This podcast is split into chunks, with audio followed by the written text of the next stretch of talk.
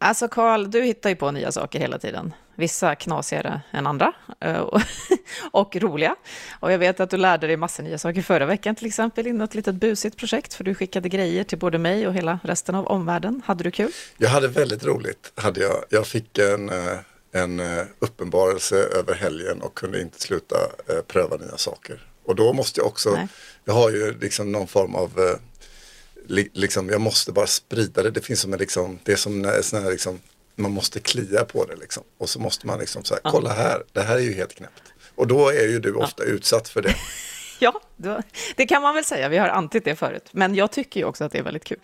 Hur gör du för att då använda den här nyfikenheten och inte bara så här, ja, ja, det där kanske vore kul, men det kanske jag orkar någon gång och så gör jag det aldrig. Jag borde, men jag gör det inte. Många andra gör ju så. Men, men hur gör du för att verkligen göra verkstad? Eh, ja, det är en väldigt bra fråga. Jag det, mitt första svar är jag har ingen aning.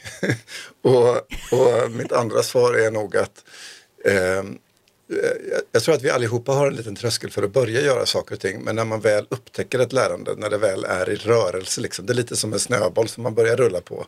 Och det där första, liksom, det, eh, då händer det liksom inte så mycket, men sen börjar det hända mer och mer och mer och så blir det liksom spännande. Jag tror att jag kanske är bra på det där första spadtaget eller vad man kallar det för. Liksom, och att man sen liksom får en känsla i sig att ja, men här är det någonting spännande och har det väl börjat så kan det inte riktigt sluta. Nej. Livslångt. En podd om lärande.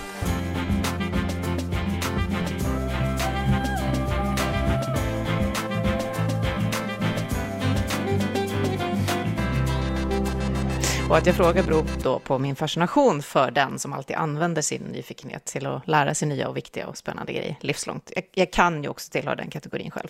Men en sån person som jag länge på avstånd just spanat på för det här och beundrat faktiskt är du Mikael Dahlén. Varmt välkommen till Livslångt. Tack så hjärtligt. Vet ni, jag kan inte låta bli att nämna, apropå introt här, nyfiket och busigt. Eh, varande synonymer. Jag blev nyfiken själv på hur busiga vi egentligen är. Så jag frågade drygt tusen slumpmässigt utvalda svenskar. Såklart du gjorde. Och det visade sig att över hälften, 51 procent, kunde inte minnas överhuvudtaget att de någon gång varit busiga. Något konkret tillfälle så. Och flera tyckte att frågan var omöjlig eller väldigt märklig överhuvudtaget. Så det säger väl en del apropå det vi ska prata om. Är det busigt att vara nyfiken? Ja, det är väl liksom, nyfiken passar inte riktigt in i rutinerna och allt det vi planerar och ska vara duktiga nog att göra. Nej. Det är någonting vi är busiga när vi är och som det aldrig riktigt, för över hälften av alla svenskar kanske inte blir tillfälle till. Mm. Nej, verkligen. Och det bus är ju någonting som vi också, i alla fall historiskt, väl har använt som något li lite små, inte nedsättande, men busiga pojkar, sluta busa. Alltså det är intressant för det här som hände i helgen eh, nu, eller den senaste veckan, det är att jag och en kollega eh, har experimenterat med flera olika AI-tjänster. Att kunna först transkribera någonting eh, få den texten automatiskt med AI transkriberad för att sen ta den här texten som är transkriberad, föra in den i en annan AI som man ber omformatera texten så att man går, kan gå ifrån att liksom, sitta tillsammans som vi gör nu och prata om ett projekt till att få en, eh, ett utkast på en projektbeskrivning en kvart senare. Och det är plågsamt eh, skickligt och bra eh, på hur det gör detta då. Och jag har varit oerhört fascinerad av. Och så hade vi det här samtalet som har skett över video, eh, jag och min kollega Micke. Och en kommentar vi fick, eh, jag fick igår eh, i ett helt annat tillfälle av en som har lyssnat på detta var, ni lät som små busiga pojkar när ni pratade. Ja. Och att det fanns liksom något fnittrigt, busigt, pojkigt i det hela. Och det gjorde det nog. Och jag, ja, men jag är nog, en väldigt, jag är nog väldigt positivt orienterad till tanken om begreppet bus. Jag vet inte vad du tänker om det Mikael? Ja, det tänker jag också. Att det kanske har lite samband med fnittrighet. Att känna att jag gör någonting som jag väljer att göra alldeles själv i den här världen där det är så mycket vi inte kan kontrollera och styra och så mycket pussel som ska läggas och ja, som nämndes, eh, vi försöker vara duktiga flickor, pojkar, personer mm. så. Anledningen till att jag började gräva det här överhuvudtaget var att jag pratade med några kollegor från Finland och Danmark. som ju hamnar över Sverige i lyckorankingen över världens lyckligaste länder. Vi i Sverige är ju rankade sjua i världen enligt World Happiness Report. Vilket ju är helt fantastiskt med tanke på hur många länder det finns i världen. Men det säger ganska mycket tycker jag att en av de vanligaste frågorna jag får i Sverige är bara sjua. Varför inte bättre? Eftersom vi vill vara duktiga, vi vill vara bäst i klassen. Så. Eh, och Finland är etta, Danmark tvåa, högre än oss på rankingen. Eh, och så pratade vi om det där eh, och konstaterade att vi har ju många språk som är gemensamma, men ordet duktig har vi inte gemensamt med finnar och danskar. De har inte ett eh, särskilt ord för duktig som vi har, medan i stort sett alla svenskar vet ju vad det innebär att vara duktiga och vi har andra ord som livspussel och köande och så vidare. Vi är världsmästare på att stå i kö och allt vad det är. Men busig, det ordet har man både i Finland och Danmark. Men du vad intressant. Det låter som en avgörande skillnad. Och det är nog inte hela förklaringen såklart. Nej, nej, men kanske en del. Högre upp. Men jag ja. kollade ju såklart det där och, och konstaterade att eh, de som tillhör den här knappa halvan som faktiskt minns att de varit busiga här i landet är lite lyckligare i genomsnitt. Mm. Orsak verkan.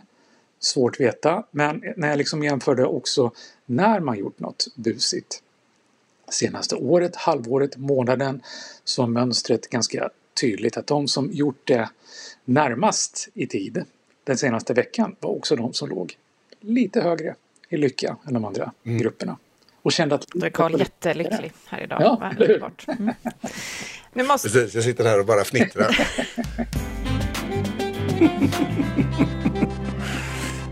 Mm. då är vi ju rakt in såklart i buset och nyfikenheten och allt det som har gjort att jag ville bjuda in dig hit, Mikael, utan att ens prata om vem du är. Professorn med de lackade naglarna brukar vara den beskrivning där folk säger, ja just det, det är han. Ekonomiprofessor, företagsekonomi. F får se på naglarna? Ja, karaktäristiskt. Berätta vem du är bortom både naglar och titlar. Det är en fråga vi alltid ställer här. Vem är du, Mikael Dahlén? Ja, det vet jag inte själv än. Det är, hoppas jag blir klok på förr eller senare förmodligen senare. Men, men hade jag visitkort så skulle det stå på det den enda titeln jag någonsin haft, professor just i ekonomi på anstalten Handelshögskolan i Stockholm. Mm. Och snart en alldeles ny titel som jag förhoppningsvis får återkomma till men som inte är officiell oh. än. Nej, spännande. Ja, och när du då berättar för någon annan vad du gör, hur den här, bortom visitkortet, liksom, det här är jag om dagarna, vad säger du då? Om någon inte vet. Ja, men då säger jag att jag gör så mycket jag bara kan, för det är så mycket jag vill och inte vill missa. Mitt mål i livet är mm. att försöka bli klok. Mm. För jag är inte riktigt klok på just någonting och det är det som får mig upp ur sängen varje morgon. Den fåfänga förhoppningen att förr eller senare bli klok på tillvaron och alla som befolkar tillvaron så. Och det är väldigt lyxigt som professor eftersom de flesta, inklusive jag själv, inte har riktigt klart för sig oss arbetsbeskrivningen för en professor. Vad gör en sån mm. egentligen? Eh, jag växte upp med min ensamstående mamma som inte ens gick ut gymnasiet eh, i ett område där ingen hade akademisk bakgrund. Så jag har liksom aldrig haft någon egentlig förståelse eller erfarenhet omkring mig vad en professor är. Det är väl en sån som tar reda på saker. Ja, och det är väl i stort sett det jag försöker göra och vad de sakerna är. Och det är allt möjligt. Ekonomi för mig är vad vi gör med de resurser vi har själva och tillsammans. Så länge vi nu har dem i livet som är vårt. Pengar är en av de resurserna, men det är bara en mm. absolut inte den viktigaste. Det finns mm. så många andra resurser. Så typ så, tror jag. Jag vet inte. jag blir bara så otroligt nyfiken på vad, eh, när du känner att du blir klok, om du har gjort det någon gång. Alltså när, vad är kvittot på att vara klok? Hur vet jag att jag har blivit klok? Det jag vet inte än, jag hoppas veta det också så småningom. Men, men eh, den bästa känsla jag vet är när jag eh, sitter precis som jag direkt, jag kunde bara inte hålla mig. Du hann inte ens introducera mig för jag var tvungen att berätta om det absolut senaste jag mm. tagit reda på. Det här med att vara busig. För jag har väldigt kort från tanke, från frågetecken till att agera på det och försöka rätta ut det till ett utropstecken. Och det är en lyx jag har som professor, att jag kan gräva, jag kan fråga människor om i stort sett vad som helst. Och de brukar vara snälla och svara, kanske på grund av att jag är en ekonomiprofessor och de inte heller vet vad man ska göra med en sån. Det är väl lika bra att svara när en frågar. Och den bästa känslan är när jag, när jag får in de svaren, de observationerna, de mätningarna eller vad det än är jag gör och ser stämde min misstanke, vad låg bakom det här frågetecknet och det blir någon form av utropstecken. Det är som julafton, som midsommarafton, som påskafton, som alla dessa aftnar sammanslagna för mig. Min, min familj, eh, min fru och mina två barn som inte är barn längre kan vittna om hur sprallig jag blir jag slänger mig ut om det är någon annan eh, hemma, om jag gör det här hemma och vill berätta omedelbart. De är så less på mig och är så glada att jag har andra att eh, sprida graserna eller förbannelserna till som är nu och berätta om det här. För det, det är det absolut bästa jag vet. Vet du att? Vet du vad jag tog reda på? Vet du hur det är? Du kan skicka till mig, det gör Karl. Det går jättebra. Ni har mycket gemensamt här.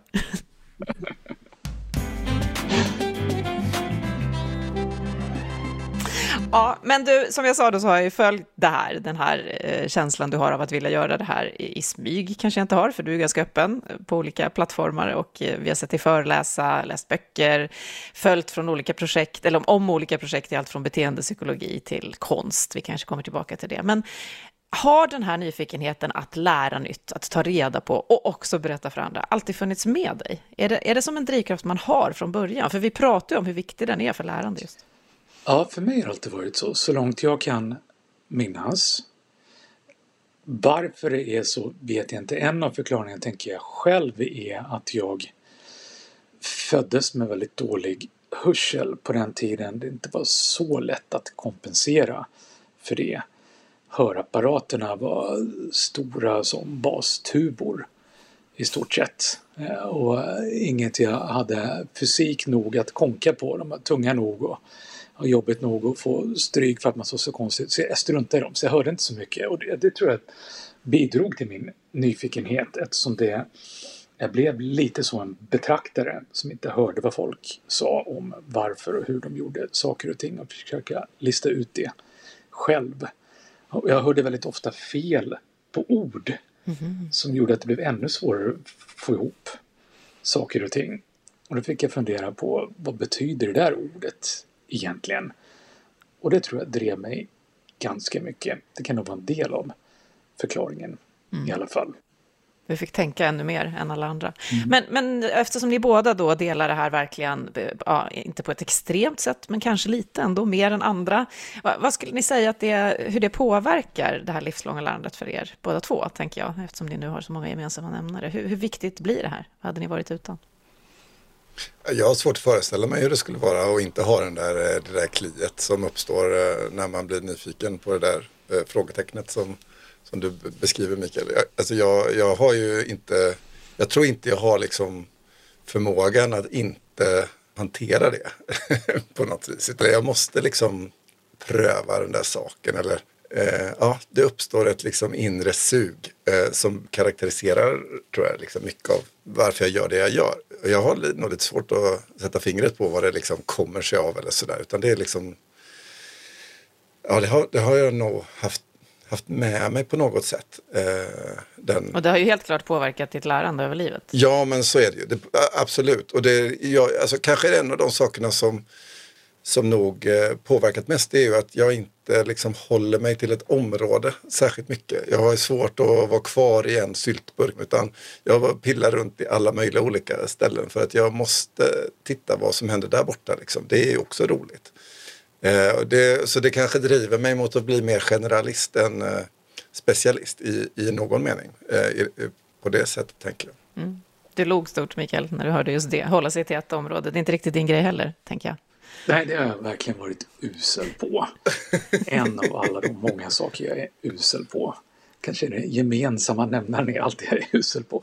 Men, men, men det var flera grejer som eh, verkligen resonerade med mig där. Det här kliet och måstet. Eh, jag sprang ju en gång för länge sedan in i den berömda väggen som så många har gjort. Och den väggen materialiserade sig framför mig när jag hamnade i ett läge i tillvaron med så många ansvar och så mycket rutin att det inte riktigt gick att vara nyfiken. Mm. Det blev väldigt mycket duktigt, eh, planerat, rutinmässigt och så vidare. Mm. Så till den grad att jag ja, bokstavligt gick sönder. Och det har jag liksom lärt mig och märkt att det är ofta jobbigt att vara nyfiken. Därför att det har ingen riktig sån processeffektivitet. Det, det gör det svårt för en själv och för många runt omkring en eh, med, med, planering, rutiner och allt som ska göras och så vidare. Men för min alldeles egen del, det här kliet, har jag märkt att det är ännu jobbigare mm. att inte göra det. Just det. Det känns liksom bokstavligt i kroppen så. När jag inte får vara nyfiken, när jag inte får bryta mot rutinerna, när jag inte får busa lite. Så. Så jag bara måste göra det. Precis som du säger, det bara måste göras. Och det har ju tagit dig då till att vara, vi har faktiskt forskning på RISE som handlar om att vara gränsgångare, det står jag och tänker på när jag hör er, att gå över gränser, att liksom vara någon slags emell, i mellanrummen ibland kanske, eller brygga, för att koppla ihop andra saker. Så hur skulle du säga att det har påverkat ditt liv, där du då är professor, du har ändå den här titeln, som inte är bara buspojke? Jag skulle säga att det har gjort mig till en hygglig professor. Inte den bästa professorn i något avseende. Eh, må det vara undervisning, må det vara forskning, må det vara just någonting. Men det har gjort mig till en professor som är hygglig på alla de sakerna. Mm. Och en hel massa andra saker också. Eh, och som har gjort det hållbart för mig. Jag tror inte jag hade blivit eller fortsatt vara professor annars. Om jag hade blivit eh, tillräckligt fokuserad för att bli riktigt jäkla helsikes bra mm. på något mm. av de här. Generalist, jag visste, det låter det som att ni båda är inne på då, att det faktiskt ändå ger någonting annat. Och det vet inte, generalist har ju på något sätt stått under specialist i någon slags uppfattning. Men om vi pratar om att det är att gå över gränser så kanske det är en annan sak. Jag tänkte vi ska backa lite till eh, hur, igen då, till dig som barn. För att eh, jag vet att skolan kanske inte var då den som hjälpte dig att föda nyfikenheten allra mest, eh, i alla fall om jag är rätt underrättad. Och jag tänker ofta när jag pratar om lärande i sammanhang så vill ju människor väldigt gärna att skolan ska vara den här grunden för hela livets nyfikna lärande. Och vi har ju siffror på att det inte riktigt är så, att det sjunker den lusten att lära mer. Så, så hur var det för dig, Mikael? Det var någonting som jag efterhand har dragit stor nytta av. Eh, det faktum att eh, det fostrades inte, uppmuntrades inte eh, överhuvudtaget nyfikenhet men då fick jag ge näring till den själv. Mm. Så det var ju någonting bra mm. ändå. Det har ju verkligen tränat mig i att kunna vara nyfiken. Jag gick ju i skolan för så länge sedan eh, att kunskap gick bara att inhämta medels biblioteksbesök egentligen. Det fanns inga skärmar, det fanns ingen, ingenting annat än gå in och leta bland böcker. Mm. Problemet med bibliotek, åtminstone på den tiden, var att man behövde viska. Just det, det kommer jag ihåg. Och jag som inte hörde någonting kunde inte höra någon viska instruktioner och kunde inte kommunicera överhuvudtaget. Så jag var ju Nej. livrädd för bibliotek. Mm. Fortfarande tycker jag bibliotek är jäkligt obehagliga faktiskt. Folk brukar säga att de älskar bibliotek, men det är förståeligt då. Och boktipsare i tv som är och älskar att läsa böcker och så, här, så har jag fortfarande så här, en lite ambivalent relation till böcker. Som böcker på den tiden då. Eh, vi köpte inte så mycket böcker i den här lilla familjen jag hade med min ensamstående mamma. och böcker fanns i bibliotek och biblioteken var ju behäftade med viskningar och allt vad det är.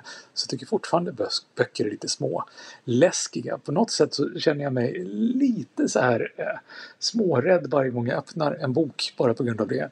Det kittlar lite. Det kanske är därför också jag läser så många böcker.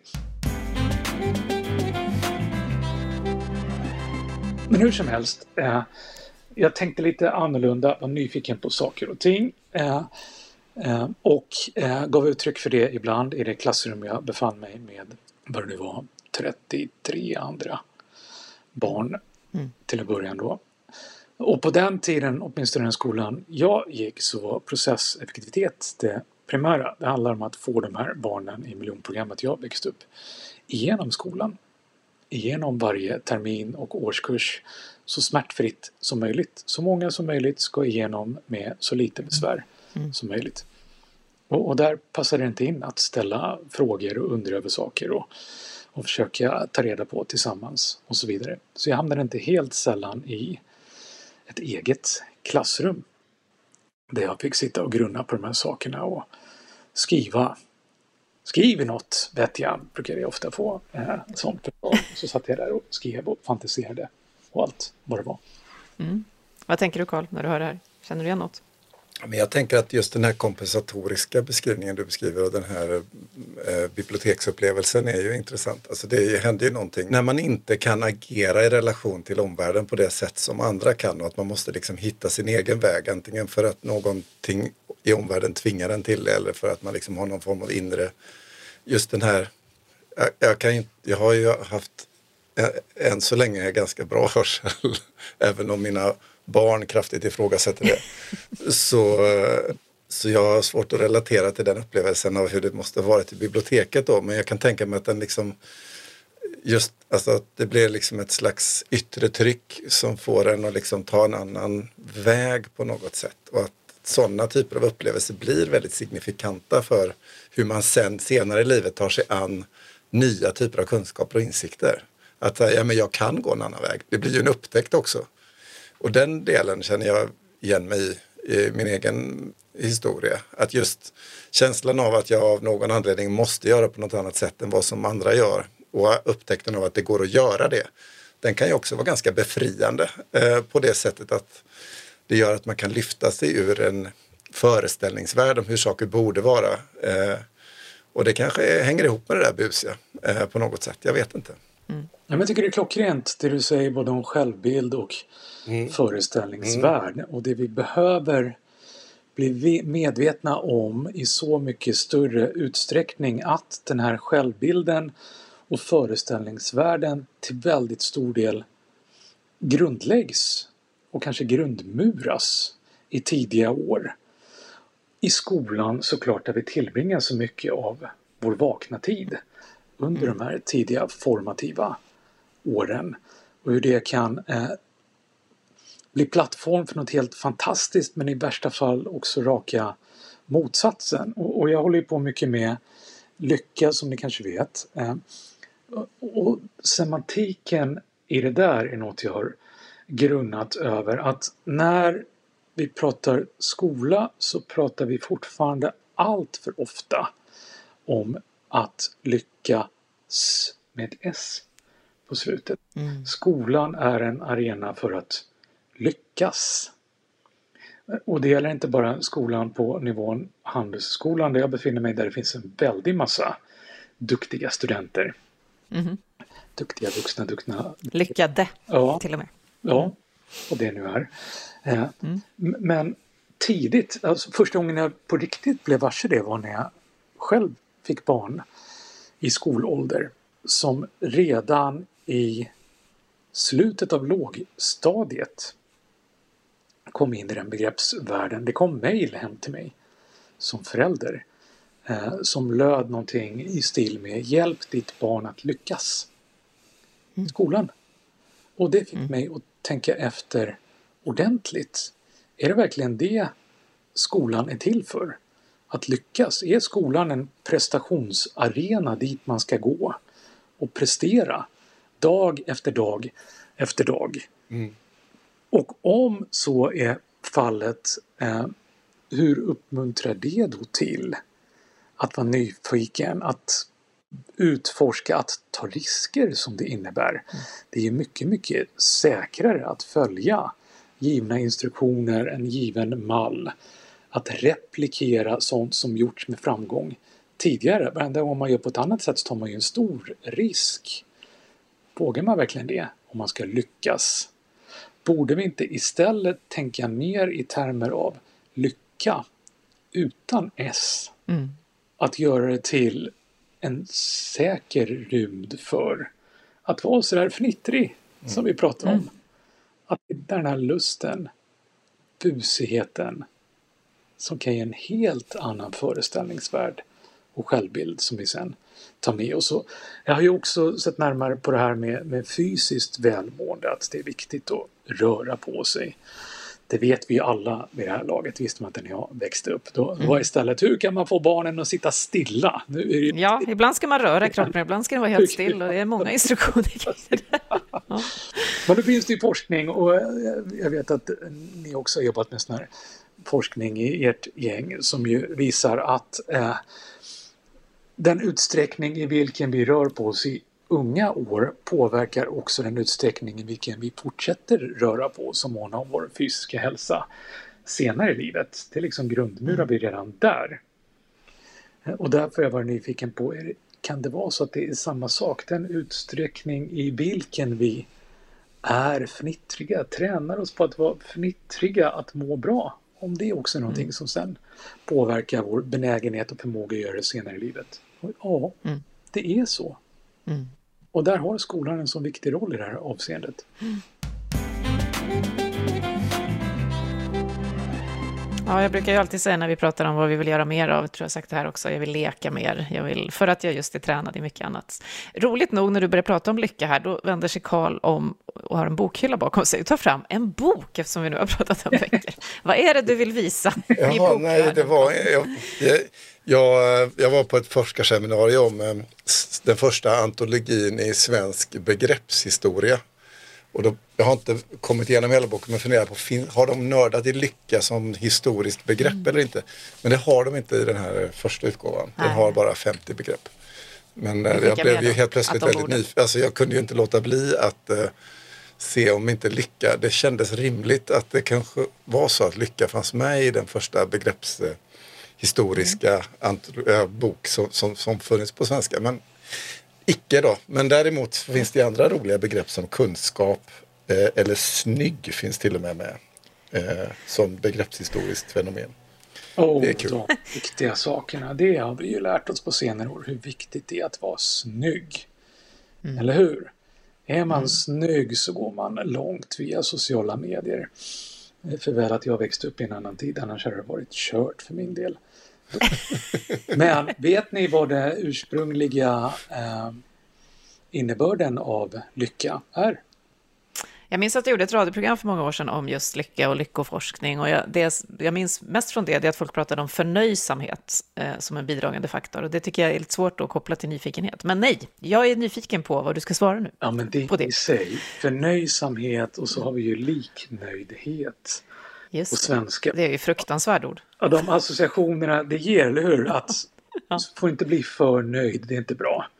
Och liknöjd, då är du stendöd, typ så. Ja. så försök inte ens. Eh, Men eh, lycka ursprungligen, eh, om man sätter in det i eh, önskningen lycka till, så blir det ganska tydligt. Mm. Det är precis vad det betyder. Lycka till! Det är slumpen. Lycka till nu när du ska ta en lott. Mm. När du ska skrapa, när du ska gissa, när du ska tipsa och allt vad det är. Lycka ursprungligen har att göra med slump, chans. Och det tycker jag säger ganska mycket igen. Att lycka är ingenting vi kan ha som mål eller sträva efter eller träna på, bli bra på. Det är något som bara eventuellt kanske händer. Första vetenskapliga artikel om lycka publicerades i eh, Journal of Abnormal Psychology. Det säger väl en del. Det är något abnormt det där. Oerhört avvikande. Eller hur? Vad är det för fel på den här Det är ju ändå lite sorgligt om lycka är det som är avvikande. Alltså att hela, ja, tänker jag. Ja, att slumpen är så, så pass sällan att det händer så att det blir abnormt. Mm. Men går det att eh, skifta oddsen, eh, Mikael, i, i lyckorandomiseringen? Går det att liksom sätta lycka på två sidor av tärningen och inte bara en? Oh ja. Det går att göra så väldigt mycket mer än vi tror. Eh, om vi bara är öppna för det. Vi, vi har en tendens att fokusera på de här stora sakerna i tillvaron. Lycka blir ett projekt, precis som livet blir ett projekt som ska projektledas och pusslas ihop. Och där någonstans på vägen så har det en tendens att övergå just till duktighet istället. Om jag bara eh, checkar de här boxarna på kravspecen. Om jag bara har skygglapparna på och inte blir distraherad av allt det här som är livet på vägen utan fokuserar på slutpunkterna i tillvaron, då minsann kommer att ordna sig och så missar vi alla de här andra sidorna av tärningen. Mm.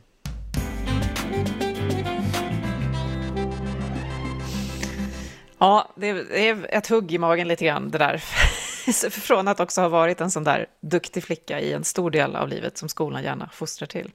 Vi kan väl eh, återkomma till, eh, innan vi slutar sen eh, om en stund, bara hur, hur vi kanske kan då vända på tärningen. Om man kan träna den här nyfikenheten som, som vi ändå faktiskt, även jag här, delar då.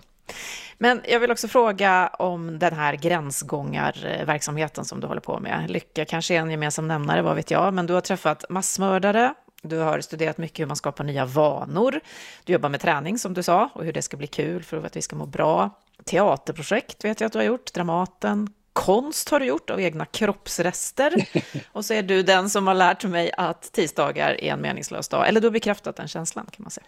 Så när din forskning blir till, eh, du sa att pengar är en del av många i ett liv, men du är ändå professor då kring det ekonomiska. Hur, hur har det här uppstått, de här olika delarna i din gränsgångartillvaro?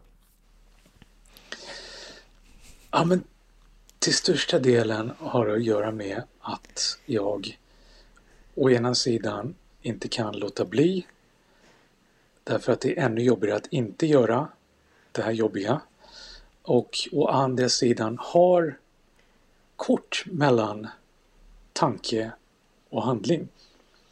Du nämnde det här med att jag har rest runt i världen och, och träffat seriemördare och fikat med kannibal och allt vad det är. Om jag hade tänkt efter lite längre och lite noggrannare så hade jag inte gjort det. Det är det enkla svaret. För det var ganska jobbigt, ganska, det var skitjobbigt att göra på en massa olika sätt. Så, så den frågan eh, är, hade jag tänkt efter mer före så hade jag inte gjort det. Men i efterhand så är jag ändå glad att jag inte tänkte efter så mycket och gjorde det. För det har ändå kommit många andra bra saker ur det. Och det gäller det mesta. Alltså, sån fråga, du gör en väldig massa saker. Hur går det till? Hur får du så mycket gjort? Och svaret är jag får mycket gjort för att jag gör många saker. Och alla är inte så genomtänkta. Nästan ingen av dem är särskilt genomtänkt. Men ser du i efterhand någon slags gemensam nämnare eller någon röd tråd eller någonting i den stilen eftersom du då eh, ja, ändå får in det här i dina områden så att säga. Du beskrivs ju som utanför boxen, vad nu det är. Men se- ser du någon, någonting annat än en box? Ja, men jag börjar väl liksom landa i en sorts efterkonstruktion som är ekonomi. Vad vi gör som individer, som gemenskaper, som samhälle med alla de resurser vi har, den tid vi har. Vi, vi fattar ju medvetna eller omedvetna beslut hela tiden. När vi väljer att vara onda eller goda eller allt däremellan. När vi väljer att jaga det ena istället för det andra. När vi väljer att hoppa över någonting eller inte. Det är ju en väldig massa val vi gör hela tiden med någon sorts någonstans i tankesfären ändå uppfattning om att det här ska göra tillvaron bättre för mig, för oss, för oss alla liksom. Mm. Och det är väl en ekonomi i sig på något sätt. Och liksom nyfikenheten att jag inte är riktigt klok på varför gör folk det här? Onda mm. eller goda, jobbiga eller inte. Alla de sakerna. Jag bara, jag bara måste. Jag bara måste få veta. Det är för jobbigt att inte få veta och så tar jag reda på det. Mm. Så vad var det du ville veta när du gjorde en, en replika av dig själv? och jag, jag, vet inte ens om jag vill veta hur det går till. Men det är flera. En av dem var ju att se, går det överhuvudtaget? Mm. Och det här är ju kul. Eh, det blir ett lite långt svar nu, så, så stoppa mig när som helst på vägen. Men efter jag sprang in i den här infamösa väggen eh, för att jag gjorde så mycket som jag behövde göra, som det planerades, som det rutiniserades, så eh, fick jag hjälp på vägen. Okej, okay, hur kan jag göra? Jag behöver skära ner på saker. Och, och, och rådet jag fick var, men, ta bort allt du inte måste göra. Mm. Ta bort det, fokusera bara på det du verkligen måste göra. Och när jag tänkte på det så insåg jag att men det är ju just allt det där andra, det jag inte måste göra, som ändå ger mig energi och får mig upp ur sängen trots att det är jobbigt och svårt. Så jag vände på det. det. Och så tog jag bort allt det jag måste göra. Tog jag tog ledigt, tjänstledigt ett år och bara liksom började om från början. Och med den helt rensade kalendern så blev det ju öppet att säga ja när folk frågade, vill du testa det här? Mm. Och jag fick en sån fråga. Eh, vill du eh, göra konst till vårt 20-årsjubileum på konsthallen i Avesta? Har du tid? Ja, ja det har jag! Och jag vill! För jag har inga måsten. Precis. Mm. Eh, så då vill jag se, okej, okay, vad, vad, kan jag göra som eh, är lite annorlunda till det här 20-årsjubileet? De har gjort helt fantastiska saker och just där och då så grunnade jag lite över det här med identitet och vem är jag och det faktum att vi förändras hela tiden eh, både bildligt men också bokstavligt. Cellerna i vår kropp byts ut. Mm. Och vad tar de gamla cellerna vägen? Ja, de blir ju det här man skrubbar bort i duschen. Det var därför jag var lite osäker på hur mycket jag vill veta om det här. Men ja. Mm. Eller hur? Och det här man klipper bort när man klipper naglarna och håret och allt vad det är. Så, så då eh, fick jag för mig att se, ja, skulle jag faktiskt eh, kunna rent konkret manifestera mitt gamla jag, det här min kropp, steg för steg, cell för cell, byter ut. Och det här var några år sedan när 3D-printers var något helt nytt. Så då tänkte jag, kan jag 3D-printa mitt gamla jag, bokstavligt bestående av mina gamla celler? Så under ett år fick jag på under ett års tid så sparade jag allt det här jag skruvade bort i duschen, tog med mig påsen när jag gick till frisören och bad att få med mig håret hem igen. Det som hade klippts bort och så vidare. allt det här. Och så sparade jag det och så efter ett år hade jag tillräckligt för att 3D-printa, inte en fullskalig eh, version av mitt gamla jag, men det blev en, eh, en byst på, jag vet inte hur många centimeter, 30 centimeter ungefär så. Mm. Som ställdes ut på konsthallen i Avesta. Jag var väldigt nyfiken på hur folk skulle reagera på det. Och det var kul. Det blev väldigt omtalat just det verket. Det var många fantastiska verk där och några inte mm. så fantastiska verk ytterligare som jag hade gjort. Men just det där var någonting som alla ändå var tvungna att gå och kolla på och som de hade svårt att inte låta bli ändå med så här lite äckelförtjusning sätta ja, fingret. Som du ser på mig nu också. Ja. Ja. Och så många dimensioner ju. Tänk om man fick ställa sig och fysiskt titta på sitt gamla jag. Det är fantastiskt.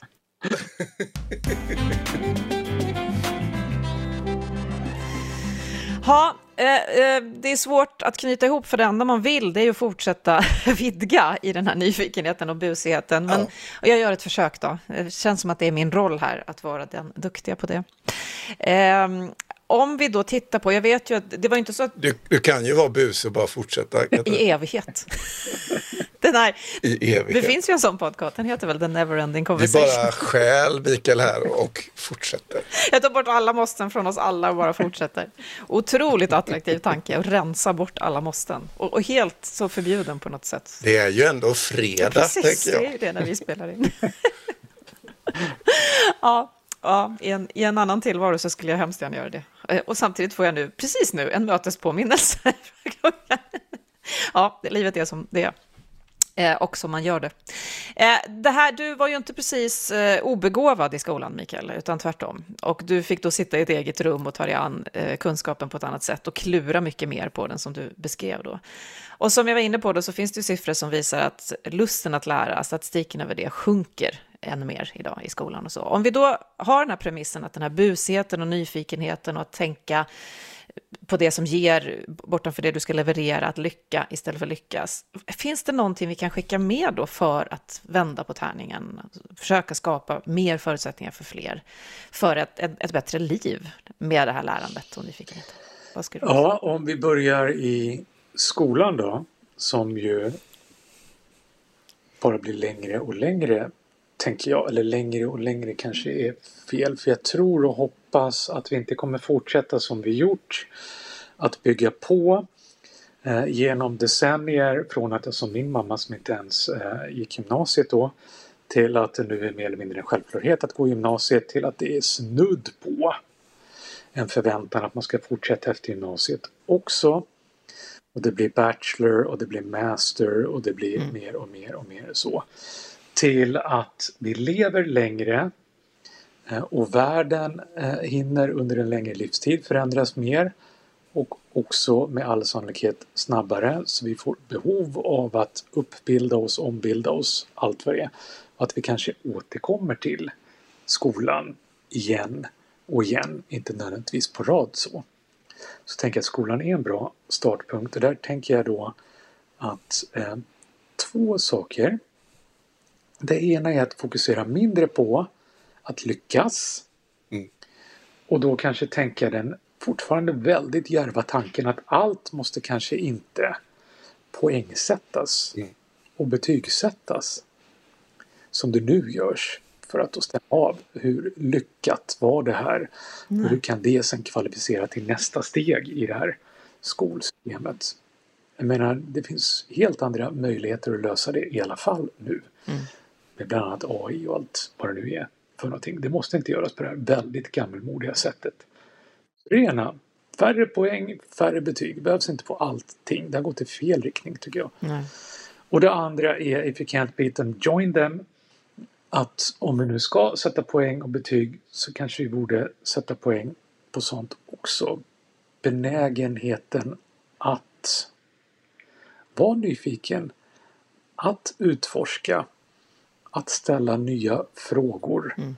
att komma till nya slutsatser. Att det är en kvalitet i sig själv. Det tänker jag är en annan viktig sån del. Mm.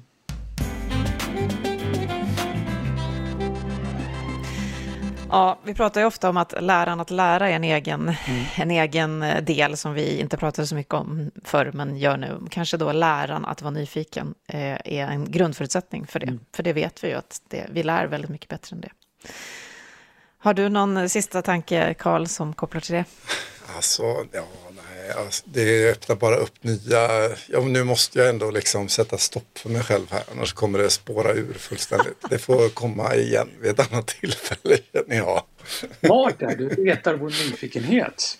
Ja, vilket jäkla proffs. Mm.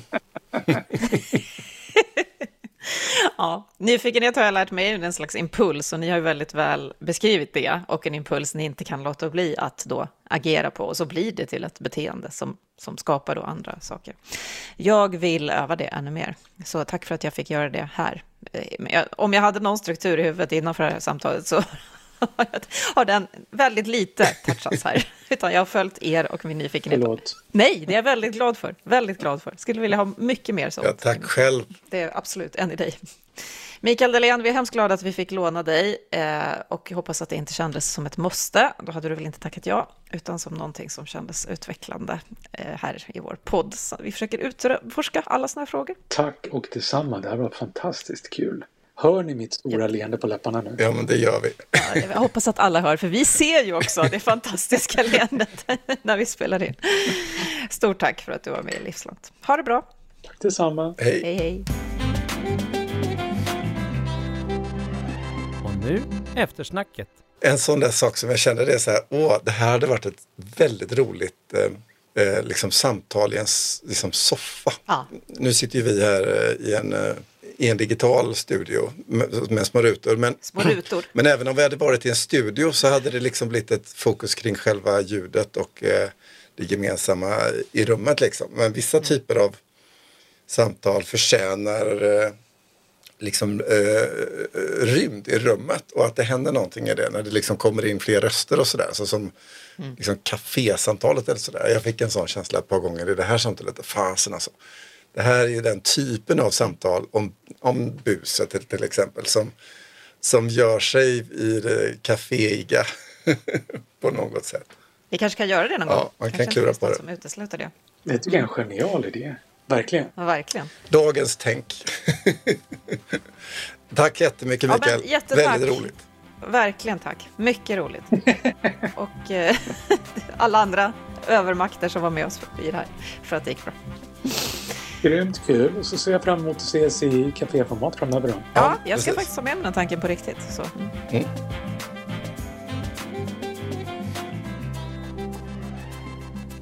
Du har just hört Livslångt, en podd från RISE om allt det där man lär sig i livet. Vi hörs om en vecka igen.